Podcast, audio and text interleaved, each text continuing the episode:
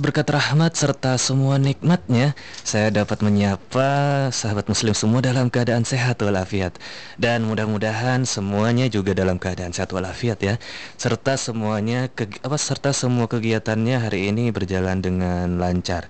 Dan salawat serta salam semoga senantiasa tercurah atas junjungan kita Nabi Muhammad Sallallahu Alaihi Wasallam, di mana beliau telah berjasa membimbing kita dari kegelapan menuju cahaya ilahi. Nah, sahabat Muslim di mana pun anda berada, anda kembali bersama kami di 106 Mars FM Voice of Islam. Dipancarkan langsung dari lantai 2 Gedung Pusat Pengembangan Islam Bogor atau tepatnya di samping Masjid Raya Bogor, Jalan Pajajaran nomor 10. Dan seperti biasa pada uh, hari apa ya sekarang ya? ya pada pagi ini saya bersama Ustadz Oleh Solihin ya dalam rubrik uh, orang tua sahabat remaja dan akan membahas tema uh, orang tua apa menjinakkan remaja yang suka dugem. ya sebelumnya kita sapa dulu ya narasumber kita kali ini. Assalamualaikum Ustadz. Waalaikumsalam warahmatullahi wabarakatuh Mas Farid. Gimana Ustadz? Alhamdulillah. Alhamdulillah. Sehat. Seger ya. Pagi seger. Iya, alhamdulillah. alhamdulillah. Ya, sahabat muslim, dugem dikenal sebagai istilah untuk menggambarkan dunia yang gemerlap gitu ya. Dan remaja biasanya e, mudah untuk masuk ke dunia tersebut. Bagaimana peran orang tua untuk mengajak remaja mereka memilih kehidupan yang sederhana gitu, berorientasi kepada akhirat, bukan dunia semata.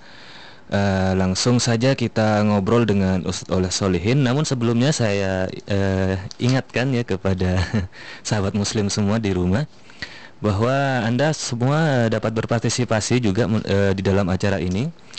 Uh, jika mempunyai pertanyaan ataupun ingin berkonsultasi langsung via telepon, uh, anda bisa telepon di 0251 8327 166 atau juga bisa melalui via SMS ya di 0856 Baik Ustadz kita bincang-bincang ya pagi ya, ini. Iya, Iya, orang tua perlu tahu ya apa yang dilakukan uh, remajanya gitu kan. Tetapi masalahnya jarang ada remaja yang mau terbuka dengan orang tuanya ini. Bagaimana cara mendapatkan informasi ini? Iya, baik. Nah. Bismillahirrahmanirrahim. Assalamualaikum warahmatullahi wabarakatuh. Waalaikumsalam warahmatullahi. Alhamdulillahirabbil alamin wa bihi nasta'in wa ala umuri dunya waddin. Wassalatu wassalamu ala asrafil anbiya'i wal mursalin. Asyhadu an la ilaha illallah wa asyhadu anna Muhammad abduhu wa rasuluh la nabiyya ba'da amma ba'du. Ya, baik eh, Mas Farid juga sahabat muslim di mana saja berada yang bisa mendengarkan acara kita ya di pagi hmm. hari ini.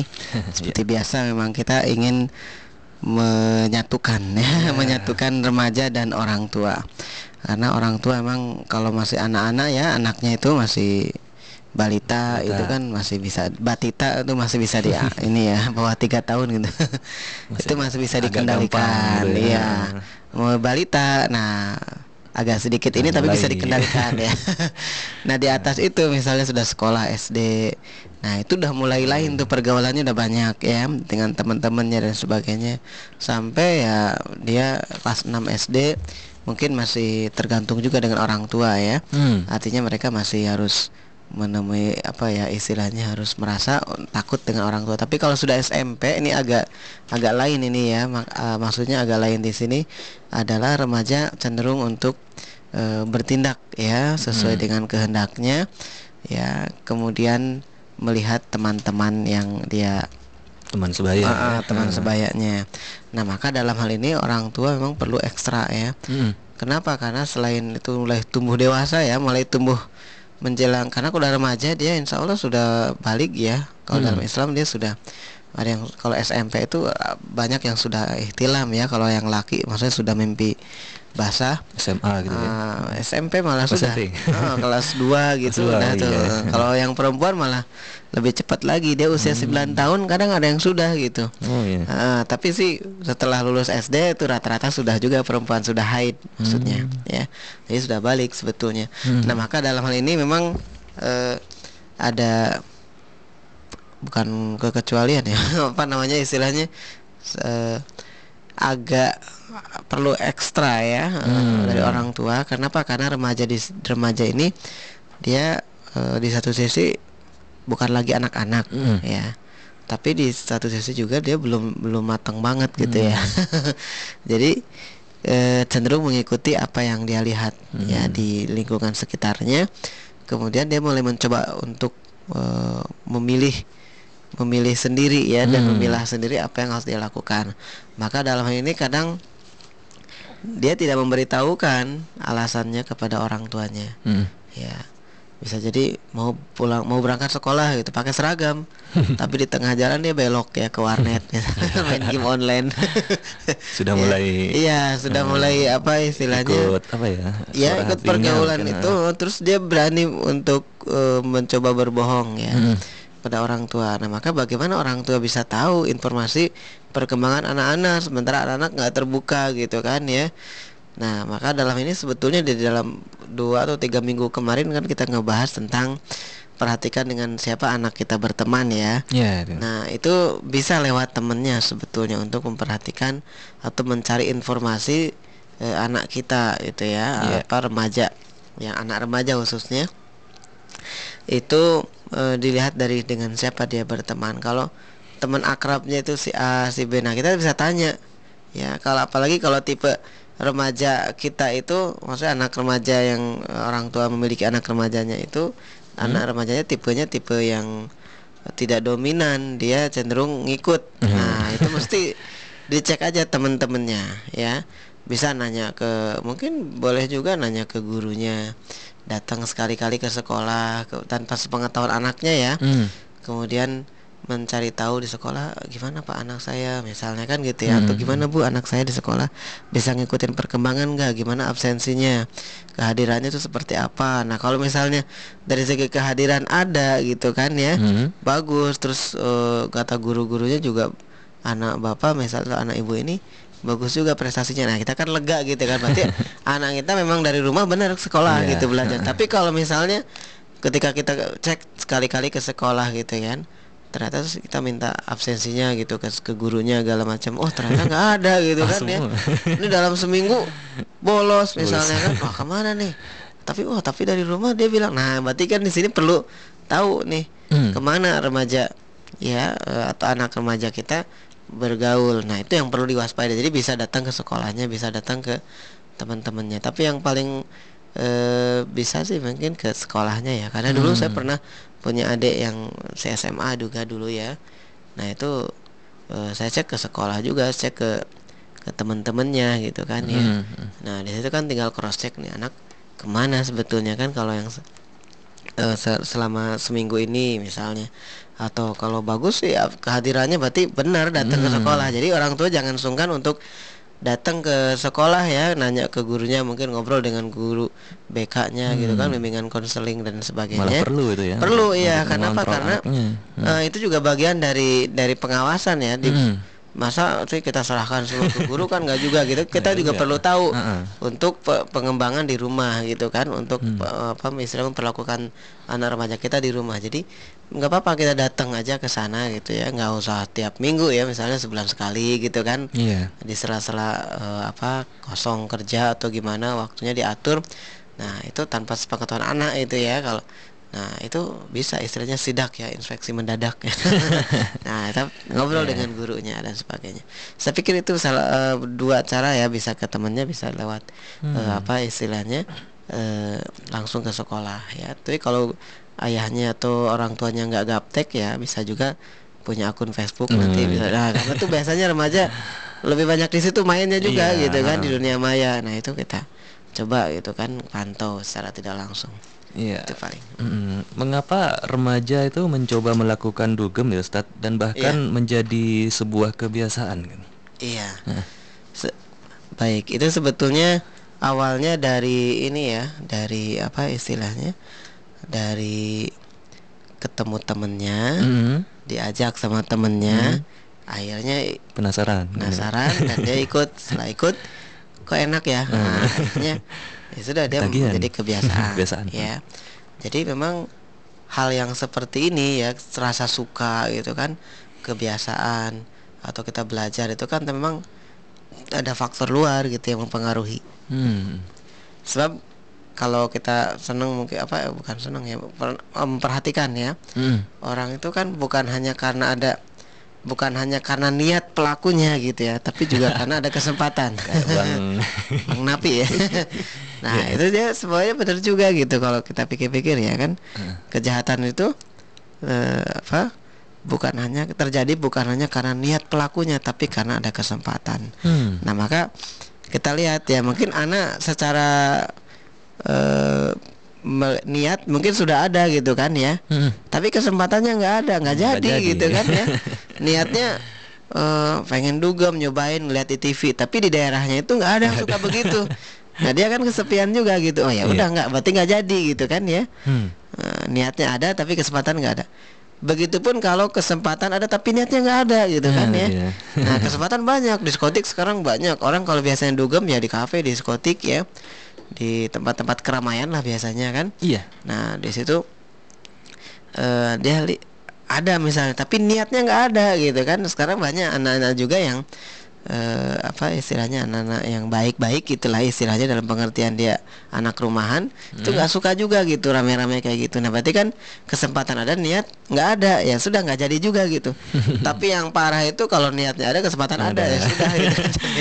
Nah maka dalam hal ini memang awalnya sih bisa jadi dia terpengaruh teman ya pergaulan karena lagi-lagi di pergaulan ya karena ada juga orang yang awalnya baik-baik tapi pergaulannya entah di sekolah atau di lingkungan sekitar tuh nggak baik maka dia akan ke bawah baik Hmm. kalau dia orang yang tipenya eh, apa ya namanya Ngikut. remajanya itu eh, dia tipenya pengekor lah Hmm. istilahnya ya itu jadi memang harus di ini juga ya karena remaja itu banyak juga ya ada tipe berbagai macam tipe Mas Farid ya Hmm. jadi kalau misalnya eh, dipetakan gitu ya Iya. nah itu emang ada yang remaja eh funky ya misalnya ada remaja bete ya ada remaja asal remaja pelin pelan remaja boring ya remaja ngirit remaja cool nah macam-macam ini ya Ah. jadi kalau ya kalau kayak misalnya anak funky misalnya kan dia punya ideal idealisme dalam beberapa hal misalnya dalam berpakaian cara apa gitu kan ya. Nah, nah biasanya memang seperti itu. Ada juga remaja yang bete gitu kan. Remaja bete ini biasanya dia Gimana cirinya? dia senang berbelanja tapi senang tertipu sering tertipu juga gitu kan ya. Ya lihat temennya belanja ini dia pengen ikut belanja walaupun wah gaya-gagahan gitu. Hmm. nggak taunya karena dia nggak tahu ini apa nggak tahu perkembangan harga maupun teknologinya ya beli handphone segala macam taunya eh, salah gitu kan ya tertipu gitu kan ya. Akhirnya ya itu remaja bete lah contohnya saja gitu kan ya. Nah kemudian ada juga yang remaja asal. Biasanya remaja ngasal itu asal-asalan tuh biasanya dia eh percaya dirinya sebetulnya rendah gitu ya. Hmm. tapi gengsinya tinggi sekali gitu kan. Hmm. nah itu remaja yang asal ya. Nah ada di mana nih ya orang yang remaja dugem ini ada di mana? Bisa jadi ada semua di sini ya. Mhm. remaja funky remaja bete remaja asal remaja pelin pelan ya. Oh, pelin-pelan. apalagi yang pelin pelan ini ya. Jadi dia eh ya kadang mau kadang enggak atau kadang bener kadang enggak gitu ya. Remaja boring ya cepat bosenan kemudian remaja ngirit ada juga yang cool ya. Nah, Ya. tapi di antara ini semua kelihatannya yang dugem mesti dari kalangan ini bisa jadi gitu kan ya kenapa karena dugem itu bisa jadi tadi orang remaja bete pun bisa ikut dugem remaja yang eh, ngirit pun bisa ikut dugem kalau dia dibayarin sama teman Hmm. ya udah saya bayarin dulu ntar kamu dugem ya. Ya, itu kan mau juga kali dia gitu kan ya nah itu eh, harus kita lihat remaja-remaja yang mungkin tadi pembagian itu dilihat dari ini dari eh, fakta ya bahwa ada remaja yang seperti itu Iya. Nah, ini Ustadz, dugem kan identik dengan hura-hura ya. Meski ada yang mengatakan bahwa sekedar ngumpul di kafe dan untuk eh, hadir di pesta atas undangan teman dan tak harus keluar duit nih. Lalu bagaimana menyikapi hal ini bagi para orang tua itu? ya bagi para orang tua ya tetap memang eh, orang tua harus waspada ya walaupun misalnya di rumah di rumah ya di rumah itu eh, anaknya tidak diberikan apa ya uang jajan yang lebih misalnya kan Hmm. ya tapi jangan jangan beranggapan bahwa dengan uang jajan yang tidak lebih itu atau dengan uang jajan yang ngepas Mm-mm. anak kita tidak ikutan dugem bisa jadi ikutan gitu kan ya Ya. minimal dia akan diajak temennya kalau dia bilang jujur saya nggak punya uang ya temennya bisa jadi akan membayari gitu kan. Ya akan Hmm. mentraktir. Ya udah nggak apa-apa sama gua aja deh. Gitu kan traktir dulu. Kamu udah datang aja deh. Iya. di pesta ulang tahun siapa segala macam gitu kan. Tinggal duduk aja makan minum di sana udah.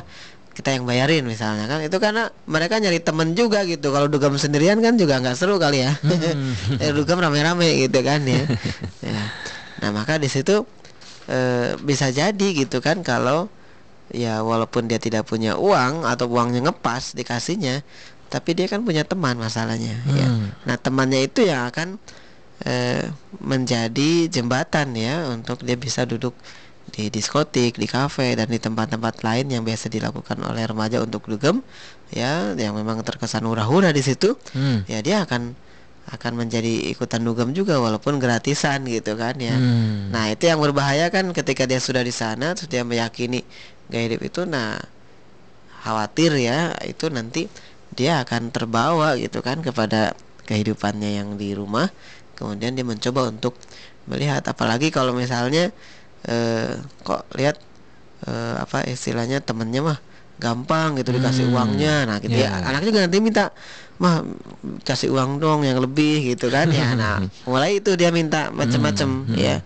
Lihat temennya yang eh, handphonenya yang apalah gitu kan udah bukan yang jadul lagi gitu. Kalau dia mungkin masih yang jadul terus eh, modelnya gitu yang teman-temannya kan udah model Android segala macam lah ininya. Pengen juga gitu kan. Nah, akhirnya kan udah mulai itu di situ ya. Dia mulai eh, terpengaruh jelas ya dengan temennya. Jadi itu yang yang berkaitan dengan eh, apa istilahnya remaja yang biasa pun nantinya nggak punya uang itu bisa juga dia diajak untuk dugem oleh temennya yang Hmm. punya uang Dibayari. dibayari malah ya untuk ya itu Iya, Ustaz. Terus eh, rokok, narkoba bahkan seks bebas itu kan kerap menjadi menu utama ya bagi remaja yang dugem gitu kan. Mm. Itu bagaimana bisa ah, kenapa kok bisa begitu? iya memang di itu kan pergaulan ya Hmm. orang kalau sudah ngumpul sudah eh, ngobrol ya maksudnya pertama ngumpul dulu ya Hmm. kalau kalau ngobrol sih belakangan ya karena kalau ngobrol sendirian kan bukan ngobrol namanya ya ber, berkicau eh mana ya apa istilahnya Senandung. gerutu kayak atau apa gitu kan ya nah tapi yang namanya eh, ngumpul ya otomatis ya orang akan berbagi informasi ya Hmm. Nah, berbagi informasi ini kan bisa lewat tulisan. Ya, kalau kita ngumpul di dalam sebuah grup diskusi di internet ya ngumpul, tapi kan nggak ngobrol gitu ya. Dia ngumpul berbagi informasi lewat tulisan tentu di situ ya. Iya. Tapi kalau ngumpulnya di dunia nyata ya tentu setidaknya ada obrolan ya. Gimana nanya minimal nanya kabarnya kan gitu ya. Kamu gimana? Hmm. Terus kamu kemarin ada apa? Oh, segala macam. Akhirnya rame kan itu yang diobrolin apa? Ya macam-macam. Hmm. Dari mulai film misalnya kan. Oh ketemu ngobrolin guru kadang ya, ya. atau ngobrolin orang tuanya, ya ngobrolin temennya yang lain gitu, jelek-jelekin dan sebagainya sampai ada, oh, udah coba belum nih rokok, wah udah akhirnya Hmm. itu kan awalnya dari situ dia nyobain, oh belum nih, cobain aja dulu kata temennya kan gitu ya, Iya. namanya anak-anak ya, Hmm. ya karena dulu juga saya pernah seperti itu ya ketika remaja, Hmm. ya walaupun kemudian hanya seminggu saya eh, ngerokok ya, setelah itu saya nggak mau karena eh, saya pikir ini membuat bahaya bahaya gitu kan. Sakit waktu itu emang udah seminggu teh. Hmm. setelah seminggu nyobain gitu. Kok temen eh, dia punya apa ya kok mau pada ngerokok gitu saya nyobain. Nah itu kan sifat remaja memang begitu gitu kan. Hmm. tapi setelah itu kan enggak gitu. Tergantung pilihan mereka anak-anak setelah itu. Rasa penasarannya Hmm, penasaran besar memang gitu ya. belum nanti udah ngerokok cobain yang lain. Narkoba misalnya nauzubillah min dzalik ya tapi memang di tempat-tempat ngumpul seperti itu itu kan sudah bebas ya. Artinya orang ya kita tidak lagi mengetahui dia berasal dari mana latar Hmm. belakangnya gimana walaupun sama-sama teman satu sekolah ya. Tapi kan kita tidak tahu eh, lingkungan dianya sendiri gitu kan. Hmm. gimana orang tuanya apa orang tuanya tipe yang ketat atau yang longgar itu kan dalam mengatur dia. Kita nggak tahu. Sampai suatu saat ketika ngumpul itu ya mereka ada yang bawa rokok mulai dari rokok bisa terus narkoba itu kan Hmm, dia itu saling. Hmm. sharing ya orang kalau ketemu mesti pengen sharing ya Hmm. ya di Facebook aja kita sharing info ya dengan orang lain nih Hmm. walaupun nggak kenal kita kita tag gitu kan ya tagging ininya karena kita ingin sharing gitu kan ya nah di situ apalagi di dunia maya ya dia akan akan memberikan apa istilahnya nyobain nih nih Hmm. cobain deh rokok Penasaran ini gitu ya, cobain nih narkoba dari mulai sabu-sabu misalnya kan ganja atau ekstasi. Ya dan yang lainnya ya pokoknya obat-obatan yang berbahaya dan eh, apa ya obat adiktif ya dan berbahaya. Nah di situ akhirnya apa?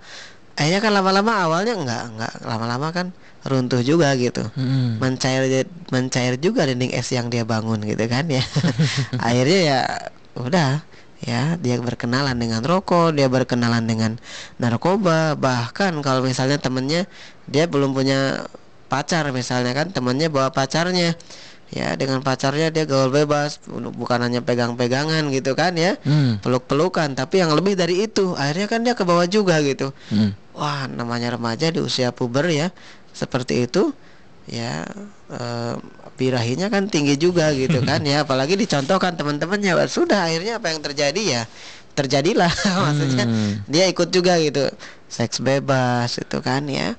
Eh, narkoba rokok akhirnya kena semua. Nah ini memang eh, di yang harus diwaspadai ya oleh para orang tua adalah ini remaja perlu yang namanya juga sudah dari awal sebetulnya kan memang dari pendidikan agama dari kecil sudah harus ada ya. Hmm. Mereka tahu ini yang salah ini yang benar terus tapi itu jangan berhenti setelah SD sering kali saya lihat setelah lepas SD itu nggak ngaji lagi anak-anak Hmm. mungkin karena alasan dia waktunya sedikit ya Hmm. Eh, terus banyak tugas capek akhirnya nggak belajar padahal kan di situ kesempatan mereka untuk tetap harus tambah lagi belajar kalau mas udah SMP SMP ya Iya. apalagi SMA itu karena godaannya makin banyak Hmm.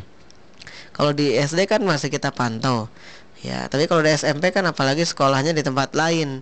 Hmm. otomatis kan dia jalan. Hmm. ya naik mobil ya naik angkot misalnya ketemu temennya lihat orang ini. Akhirnya dia kan jadi banyak wawasannya. Ya masih bermending kalau ya kita bersyukur kalau wawasan yang dia lihat itu adalah wawasan yang baik. Kalau yang enggak gimana? Nah Hmm. itu memang di sini orang tua berarti harus dekat sekali dengan remaja ya. Dia bisa ngecek mungkin tiap ketemu ketemu harus tiap hari kelihatannya ya. Hmm. ketemu tiap hari ngobrol gitu nanya kabarnya. Sama seperti halnya dengan temannya kalau dengan temannya kan dia akan sering ketemu ya. Dengan temannya kan sering ketemu sering ngobrol sering surhat nah coba deh orang tua juga bisa mulai mendekatkan diri ya dengan para remajanya untuk ya sekedar berbagi informasi ya share misalnya ngirim SMS Hmm. atau ngirim apa gitu sehingga anak itu merasa oh saya diperhatikan oleh orang tua saya suatu saat ketika orang tuanya care gitu ya perhatian dia akan curhat kemudian dibales gitu kan oleh orang tuanya ayahnya atau ibunya maka anak itu akan percaya gitu Iya. ya saya ngapain jauh-jauh ke teman saya orang tua saja yang saya deket dia perhatian perhatian banget gitu kan nah jadi dia akan Hmm. percaya menaruh percaya kepada orang tua nah itu kalaupun misalnya tipenya orang tua yang sibuk ya dua-duanya tapi setidaknya ada komunikasi ya bahkan bila perlu ya tetap ada pertemuan yang tatap muka gitu ya Iya. Eh, dalam seminggu berapa kali gitu supaya anak merasa diperhatikan gitu dia tidak mencari eh, pelarian di luar rumah gitu Hmm. Iya, lalu eh, bagaimana ya eh, apanya Ustadz itu namanya? Kan remaja itu memiliki rasa penasaran yang begitu besar gitu ya. Nah, lalu eh, bagaimana cara supaya rasa penasarannya itu tidak eh, apa ya diaplikasikan ke hal-hal yang negatif gitu kan? Gimana? Iya, memang kalau rasa memang kalau rasa penasaran setiap orang mesti ada ya. Hmm. Dari kecil aja kan kita lihat eh, anak kita ya itu eh, kan pengen ini misalnya lihat api gitu ya di lilin, kan pengen dicobain gitu di, dipegang ya. Hmm. itu kan rasa penasaran manusia itu sudah dari kecil sebetulnya ya. Sejak Normal bayi dia eh, sejak bayi dia udah udah diberikan rasa penasaran itu sama Allah ya.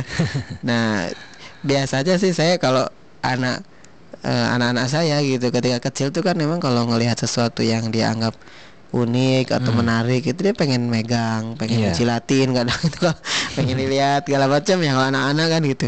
Nah pas bagian lilin kan sebetulnya kita ngeri juga gitu kalau dia megang ya. Tapi harus dikenalkan gitu dan dia harus tahu bahwa itu panas gitu kalau dipegang. Ada apinya ya maksudnya bukan lilin yang apinya.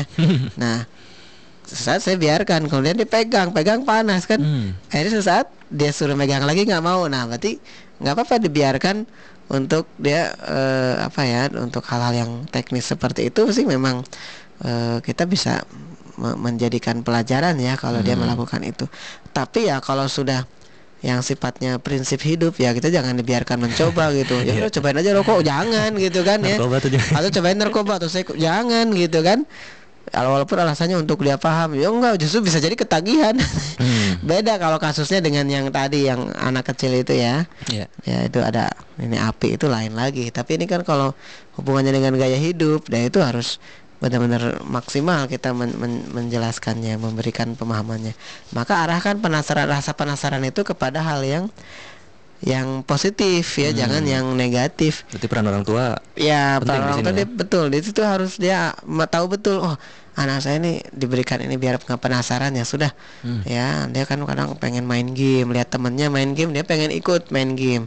Penasaran gitu daripada dia coba-coba nanti di warnet ketemu temennya, wah gimana nanti udah nggak apa nanti di di rumah aja tapi dipantau gitu kan ya. Hmm, hmm. Nah, itu mungkin salah satu cara gitu kan ya karena kalaupun misalnya di dikekang banget dia akan nyari-nyari nanti penasaran masalahnya. Saya penasaran gitu kan ya dia nyari.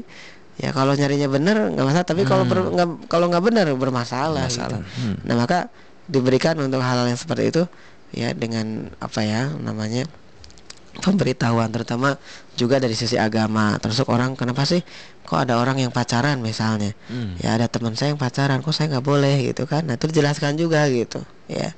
Ya secara agama secara eh, etika masyarakat. Misalnya yang penting sih memang secara agama ya. Iya. sehingga anak tahu gitu bahwa itu memang nggak boleh dalam pandangan agama yang dipeluknya yakni Islam.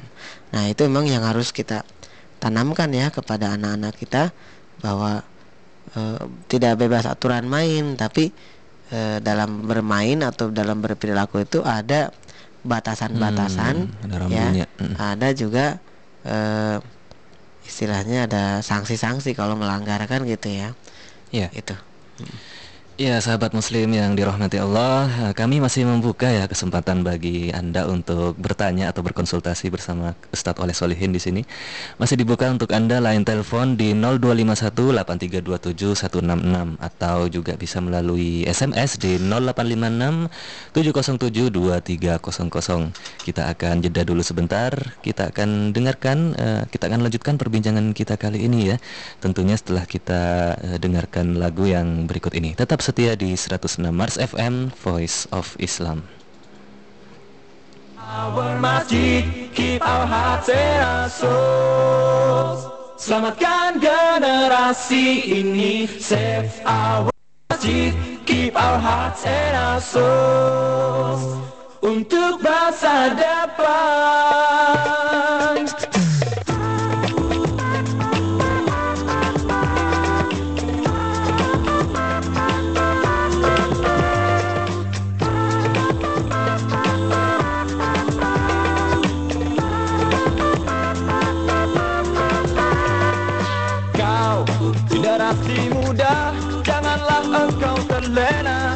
Habiskan waktu dengan percuma. Ikuti hawa nafsumu. Hanya untuk kesenangan dunia. Tanpa kau pikirkan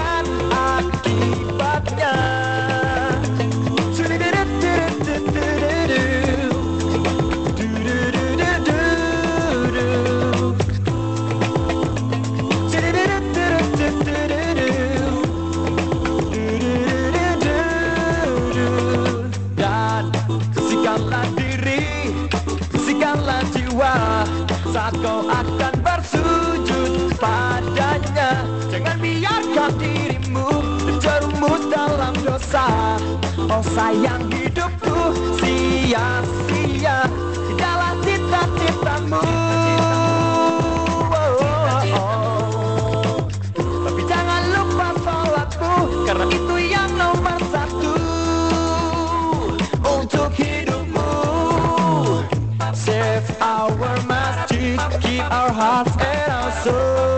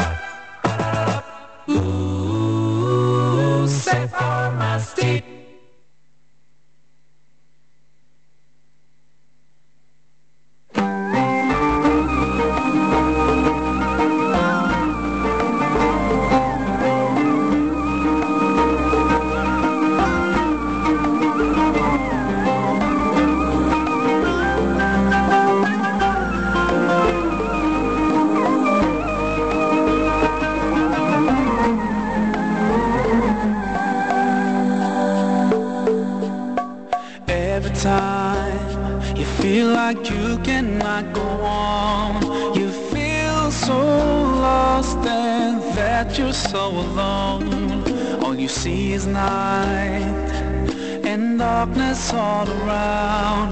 You feel so helpless You can't see which way to go. Don't despair and never lose hope. Cause Allah is always by your side. Insha'Allah, Insha'Allah شاء You'll find your way.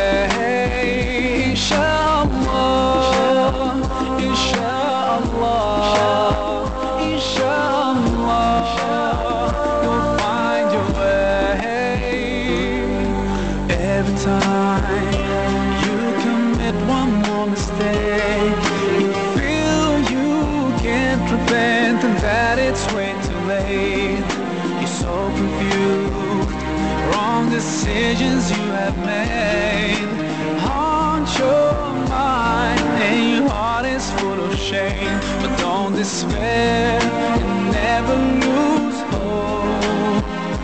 Cause Allah is always by your side. Inshallah, Inshallah.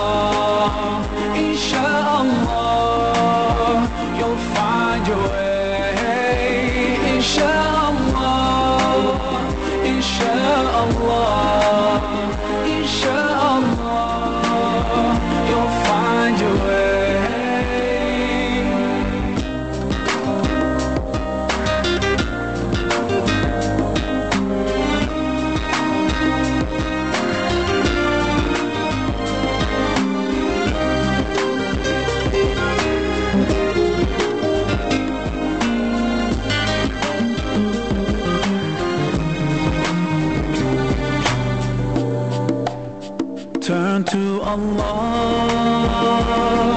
He's never far away. Put your trust in Him, raise your hands and pray.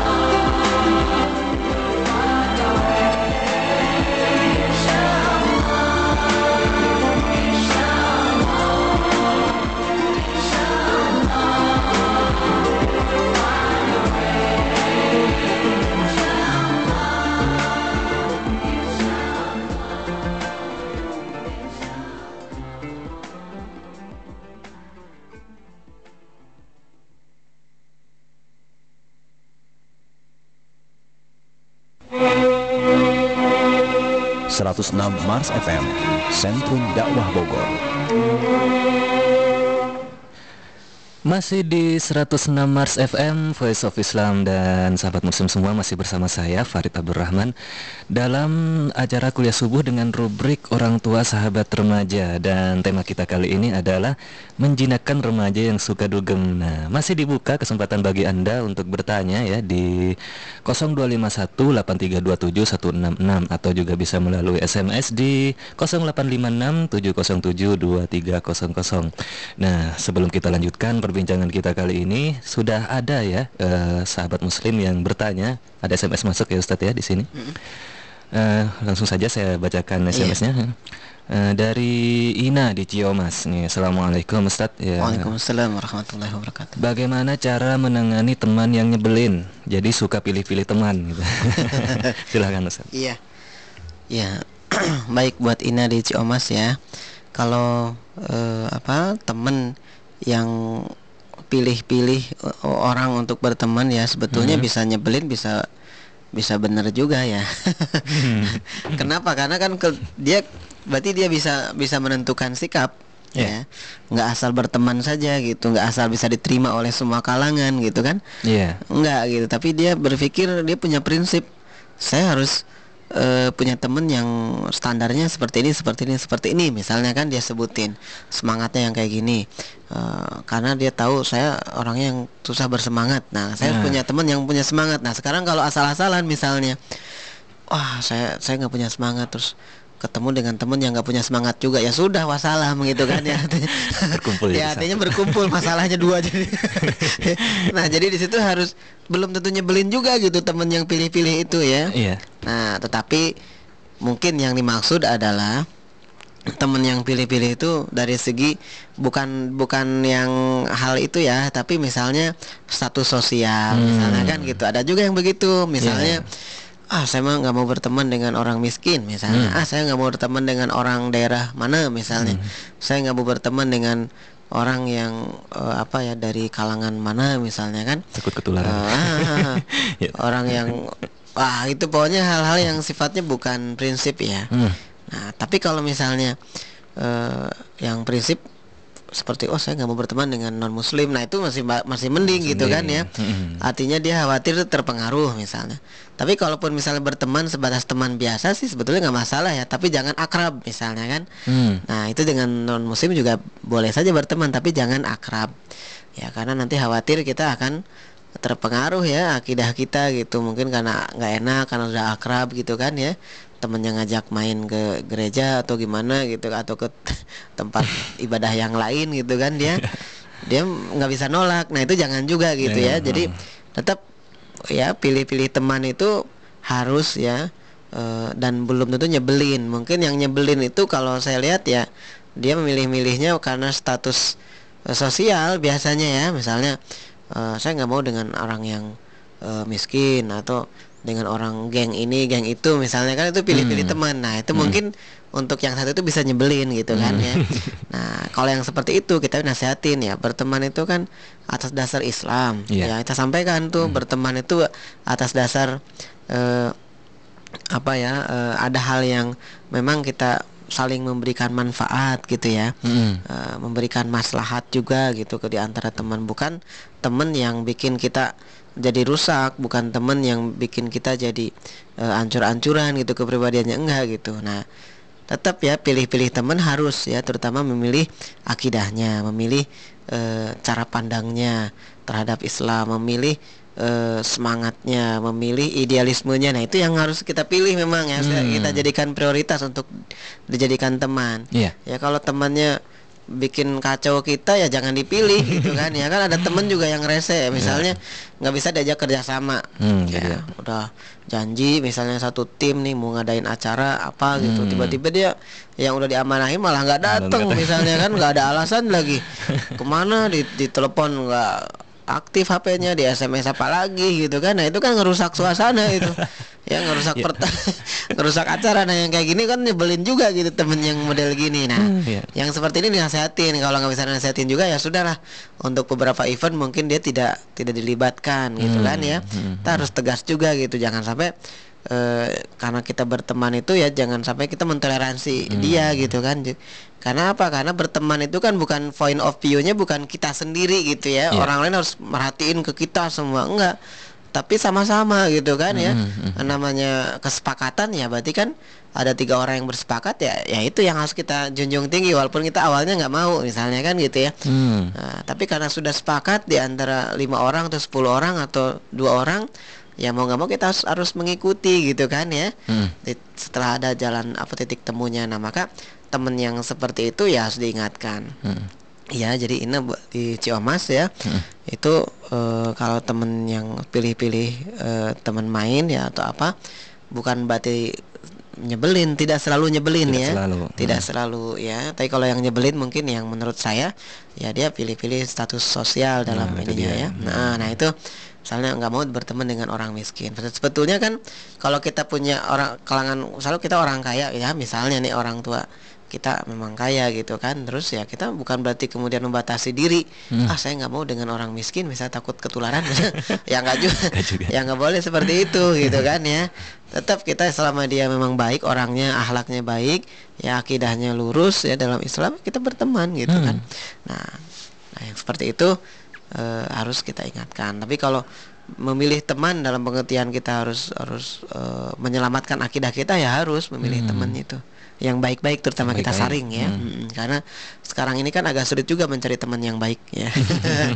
Ya Ya Kayak itu gitu. buat Ina ya. Ina di Ciomas. Nah. Semoga bisa membantu. Dan SMS selanjutnya dari Hani di Bogor nih Ustaz.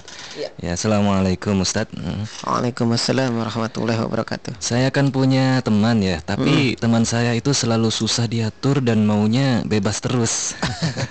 Bagaimana cara menasihatinya Ustadz? Ya, silakan.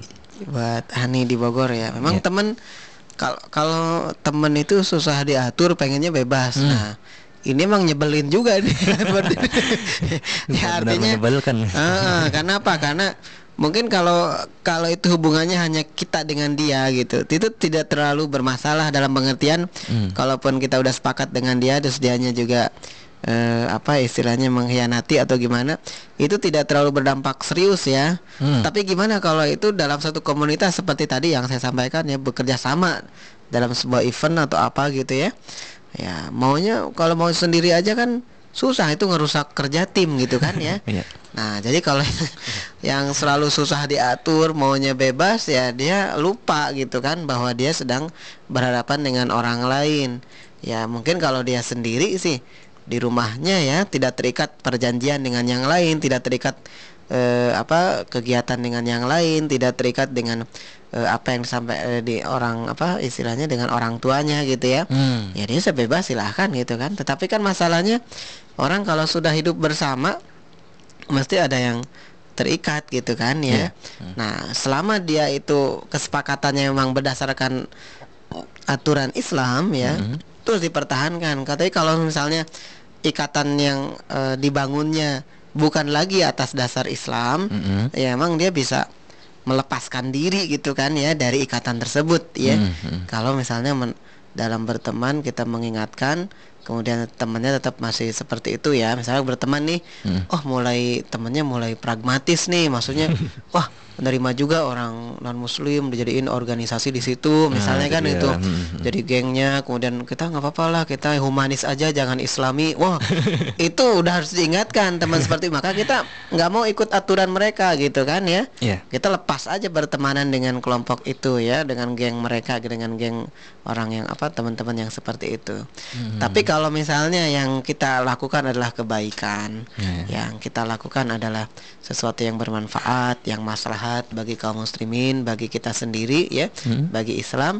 ya tentu teman-teman yang masih pengen jalan sendiri nih ya maksudnya yang udahlah nggak mau diatur gitu suruh tepat waktu datang latihan misalnya kan Iya. eh nggak datang gitu kan datangnya berapa atau telat lah datang saya sejam udah mau beres baru datang atau diminta untuk ngisi acara kok nggak ada konfirmasi terus gitu kan ya? Ini di telepon nggak bisa nggak aktif di SMS masuk tapi nggak dibalas-balas gitu kan? Ya sudahlah yang Iya. seperti itu merusak suasana tuh. Kita harus eh, mungkin menyimpan dulu dia gitu kan di bangku cadangan ya. Dibebaskan ya. Iya Bebas dibebaskan dulu aja. Artinya kalau seperti itu memang susah. Nah maka dalam hal ini ya untuk mengatur teman yang seperti itu diingatkan. Dan bila perlu tadi dihukum ya untuk tidak di dimainkan ya kalau main bola ya. tidak dilibatkan dulu gitu kan ya. Ketika dia protes baru kita bilang lah anda sendiri nggak mau diatur gitu ya. Sekarang kami yang mengatur gitu kan ya. Iya. nah biar dia tahu gitu bahwa eh, dalam dalam apa eh, berteman itu dalam bergabung ya dengan komunitas ya tentu ada aturan mainnya. Nah itu yang harus dipahami oleh setiap kita yang memang bergabung dengan eh, apa ya dalam sebuah komunitas gitu kan. Selama komunitas itu bermanfaat dan memang yang diikatnya atau terikatnya dengan hal-hal yang memang eh, sesuai dengan aturan Islam Mm-mm. gitu Ya, ya itu buat eh, siapa namanya tadi? Hani. Hani ya di Iya, Bogor di ya, Bogor. supaya bisa membantu.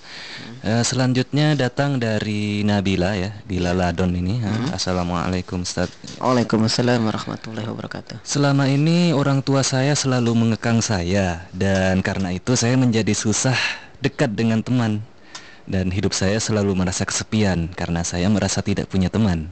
Lalu bagaimana cara menghilangkannya, Ustadz? Ya. jadi terbiasa Orang dikekang eh, ya? terbiasa dikekang jadi Oleh orang tua, jadi sehingga ter- mm, dia sehingga tidak punya teman? ah, tidak punya teman dan terbiasa ah, susah dengan apa dekat dengan teman gitu. Iya, terus ya baik. Jadi memang di sini eh, para orang tua juga harus harus memahami ya eh, Hmm. bahwa kebutuhan ya kebutuhan manusia itu bersosialisasi. Hmm, ya. Ya, walaupun demikian harus diarahkan sosialisasi yang seperti apa yang eh, boleh dilakukan gitu ya. Eh, kita tidak bisa melarang anak kita ya, misalnya para orang tua melarang anak kita ber- bergabung atau berkumpul dengan orang lain. Ya, ti- di, maksudnya dalam pengertian dilarang sama sekali gitu ya.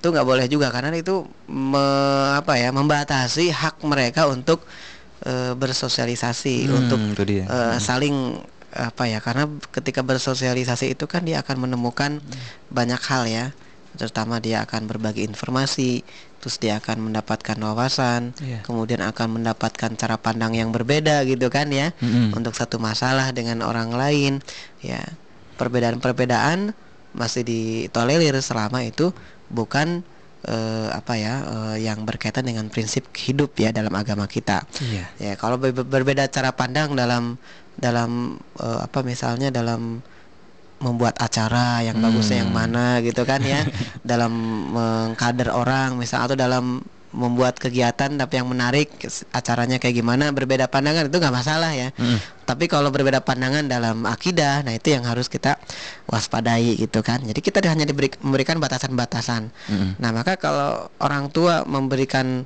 pengekangan terhadap anak untuk tidak berteman sama sekali, ini memang jadi akibatnya ya anak itu menjadi takut ya. Hmm. Oh, saya kalau berteman nanti orang tua gimana gitu kan ya. Mau jadi anak rumahan saja dia jadi kuper gitu kan ya maksudnya kurang pergaulan di sini. Iya. ya. Jadi kuper ya kurang pergaulan. Maka akhirnya yang dia lakukan ya hanya asik dengan dirinya sendiri Hmm. ya mungkin kalau eh, sekarang ada dunia internet ya dia, dia Hmm. mainnya di internet, gitu Internet, kan ya nyari teman juga di internet gitu kan ya nah tapi karena kebanyakan di internet di dunia di dunia nyatanya dia enggak akhirnya dia ada. Hmm. punya eh, kesenjangan ya. Artinya dia hanya mau berinteraksi dengan teman-temannya dan dia bersifat anonim lagi ya. Maksudnya anonim ini tidak jelas siapa namanya ya. Orang kadang pakai nama yang lain padahal bukan dia gitu. Atau misalnya kalau di Facebook kan sering saya lihat itu ya anak-anak itu suka ada tulisan misalnya ya eh misalnya Farid nih misal. tapi bukan Farid yang ini ya. Misalnya Farid mau yang itu misalnya kan gitu ya. Mau apa tuh? iya kadang juga ada orang yang eh aku yang selalu setia misalnya kan itu jadi bang dia bikin bikin Iya. nama-namanya itu yang ini ya. Yang unik-unik gitu kan ya. Mungkin menggambarkan suasana hatinya gitu kan ya. Eh, ada juga misalnya yang merasa gitu kan ya saya ingin selalu disayang misalnya kan itu namanya. Panjang sekali. Ya, panjang sekali gitu. Bahkan ada yang panjang banget saya pernah lihat. Ya Allah ini orang ngapain gitu ya. dia dia nggak berani dengan namanya sendiri coba ya. Ini kan problem gitu dalam dalam bersosialisasi. Hmm. ya kalau emang itu eh, kita sendiri ya bertanggung jawab gitu dengan nama kita gitu kan dengan eh, apa istilahnya yang yang emang namanya dikasih dari orang tua kita gitu kan. Saya oleh solihin udah cari aja oleh solihin pakai nama yang lain enggak gitu kan. Ya kalaupun ada memang ada fanpage nya saya misalnya oh titik solihin. Nah itu kan sama aja gitu ya. Terus eh, mungkin para orang tua perlu juga gitu kan. Oh kalau saya sih kalau pakai nama nama asli nanti anak saya malah jadi tahu ini saya gitu kan. Ya boleh. Tapi kalau misalnya pengen lebih eh, tidak diketahui anak karena kadang ada anak juga yang dia kadang seperti yang dua minggu yang lalu kalau nggak salah ya kita sudah bahas anak yang nakal juga gitu ya maksudnya dia di. Facebook mengelabui gitu ya. Namanya si A akhirnya dia bikin akun si B gitu. Orang tuh kan kehilangan jejak gitu ya. Kayak bunglon. nah eh, jadi mungkin orang tuh dalam tahap ini dia perlu juga pakai nama yang lain. Artinya di sini memang gimana ya teknologi eh ya itulah eh, bisa berdampak baik bisa berdampak buruk gitu ya. Tapi walau bagaimanapun juga ya supaya kita tidak tidak capek ya kalau saya memilih untuk memberikan batasan-batasan saja kepada anak kita gitu. Ini yang boleh ini yang tidak ya. Kalau kamu misalnya melakukan sesuatu yang di luar kemampuan saya kemampuan ayah misal atau ibu untuk memantau yaitu urusan kamu dengan Allah subhanahu wa taala gitu kan. Nah, anak diberikan juga pemahaman bahwa Allah maha melihat gitu kan. Hmm. jadi dia nggak wah walaupun saya ngelabuin orang tua ya Allah tidak akan bisa Dikelabui. dikelabui gitu kan ya. Nah akhirnya mudah-mudahan dengan begitu dia berpikir gitu kan ya sudah lah hidup normal saja lah dan pengertian nggak usah eh, apa ya namanya eh, nipu orang atau ingin menyembunyikan identitas gitu ya. Nggak apa-apa gitu kita eh, yang asli asli apa yang yang wajar wajar. sajalah gitu kan ya. Nah karena berteman itu emang harus harus sa- ini ya harus saling apa itu eh, menguatkan harus saling percaya harus saling Hmm. menjaga amanah Iya. harus saling eh, apa memberikan inspirasi yang baik ya Hmm. nah ini memang kalau tadi si siapa eh, Nabila ya Hmm. di Ciomas eh, Laladon. Ya nah di Laladon itu dia harus eh, apa mem- memang tadinya kan orang tuanya mengekang ya Hmm. Maka untuk sekarang ya cobalah untuk eh, bersosialisasi minimal dengan teman-teman yang ada di sekitar kom apa rumah misalnya kan ya. ya. Atau ya kalau perumahan ya di komplek misalnya kan gitu ya. Atau di lingkungan sekitar atau mungkin di sekolahan atau mungkin kalau sudah kerja ya di tempat kerja gitu kan mencoba untuk bersosialisasi ya karena nggak mungkin juga orang ya ketika bergaul dengan dengan orang lain tuh eh ketika berhubung dengan berkumpul dengan orang lain nggak mungkin nggak sampai ngobrol ya. Paling nggak ngobrol gitu kan ya. Tapi mungkin yang dimaksud itu sulit untuk menjadikan teman gitu ya. Ah, karena iya. dia merasa khawatir merasa takut salah merasa Sudah takut tercetak dari kecil. Ah, ah, dari kecil saya takut takut salah berteman. Ya orang tuanya udah apa di sini tuh udah ingat aja gitu. Hmm.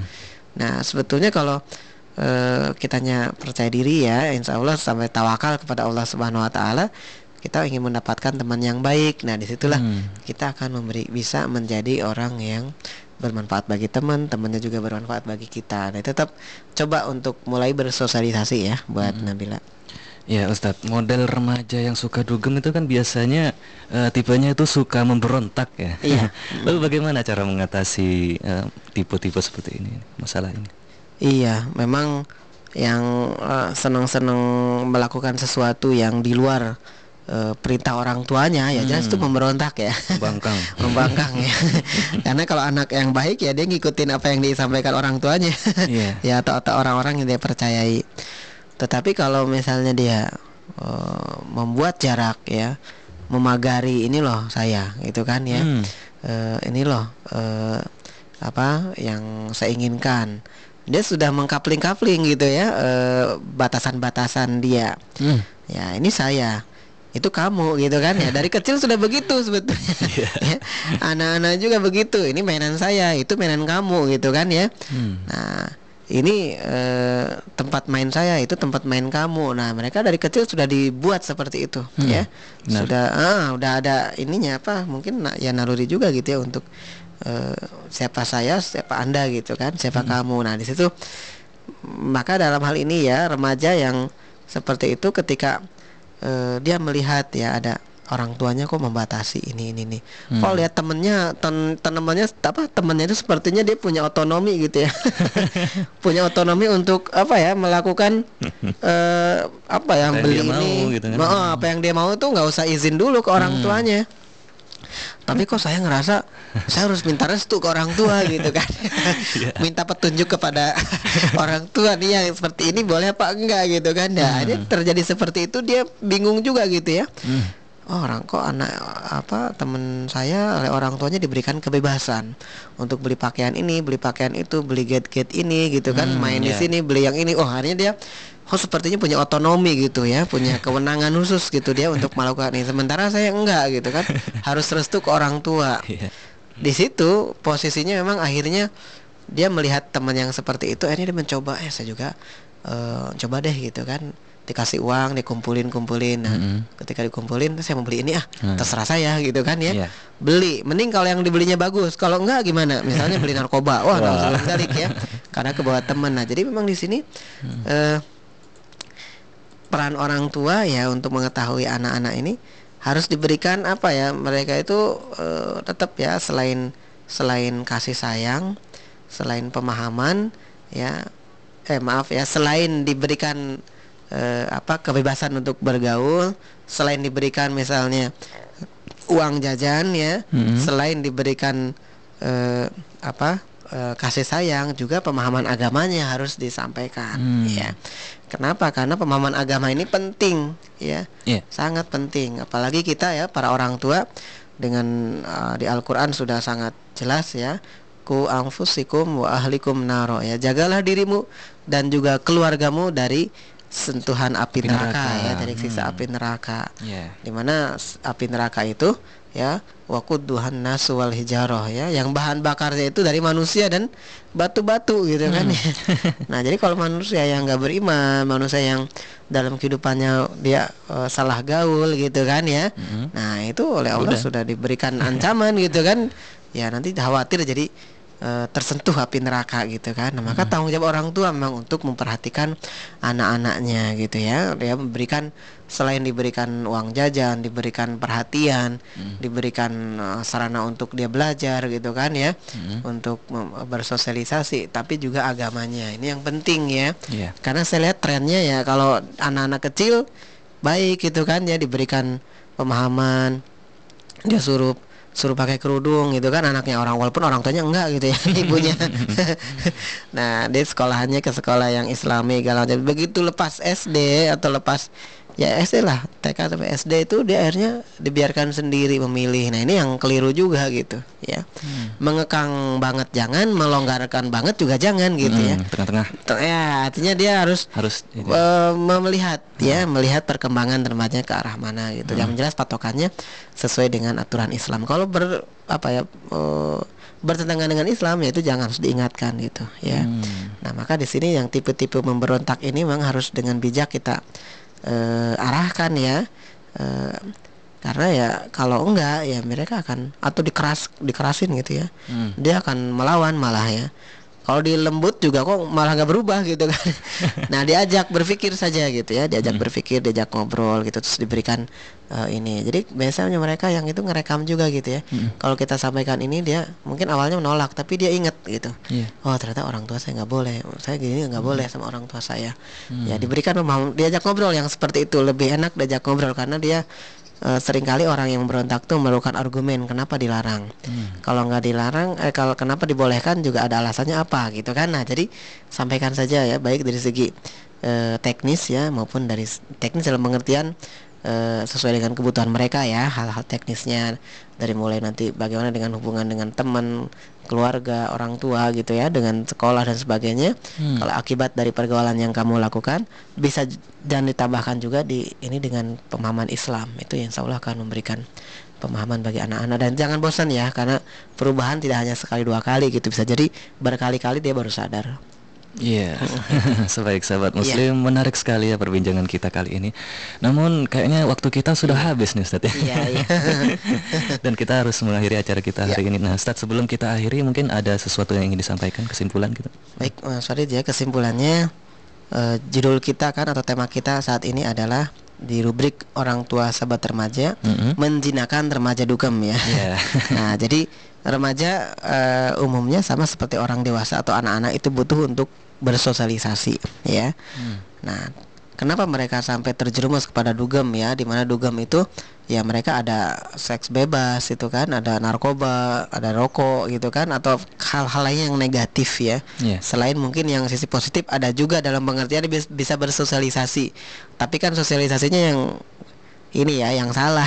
Hmm. Jadi hanya positif dari segi bersosialisasi saja gitu, tapi negatifnya dampak dari sosialisasinya itu ya yang sosialisasi yang salah tuh dampaknya dia bisa berbuat negatif juga gitu. Nah, maka di sini para orang tua harus peka ya dan peduli terhadap perkembangan anak-anak yang remajanya dengan cara memperhatikan ya bagaimana misalnya kalau anak ya tidak terbuka kepada orang tua ya.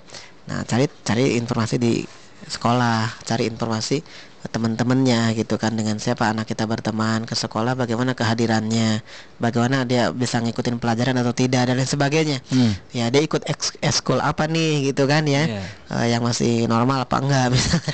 Atau yang wah gimana? Pokoknya banyak informasi itu. Dan biasakan eh, orang tua untuk dekat ya dengan remaja. Ini saja sih yang saya pikir eh, kalau kita sudah dekat ya dengan remaja ya orang tua dengan remaja insya Allah dia anak itu akan menjadikan kita para orang tua tempat curhat mereka. Hmm, sehingga insya Allah akan mudah terpantau. Hmm. ya dibanding anak-anak yang jauh dari orang tua dia liar yang nauzubillah min zalik ya banyak yang terjadi ya orang tuanya sendiri kan yang rugi gitu. Dia membesarkan anaknya tapi anaknya eh, jauh dari nilai-nilai Islam ya. Karena apa? Karena kita dituntut oleh Allah Subhanahu wa taala untuk menjaga diri kita sendiri dan juga keluarga ya. Ku anfusikum wa ahlikum naro ya. Wa Tuhan nasu wal hijarah. Jadi eh, jagalah dirimu dan keluargamu dari sentuhan api neraka atau siksa api neraka ya.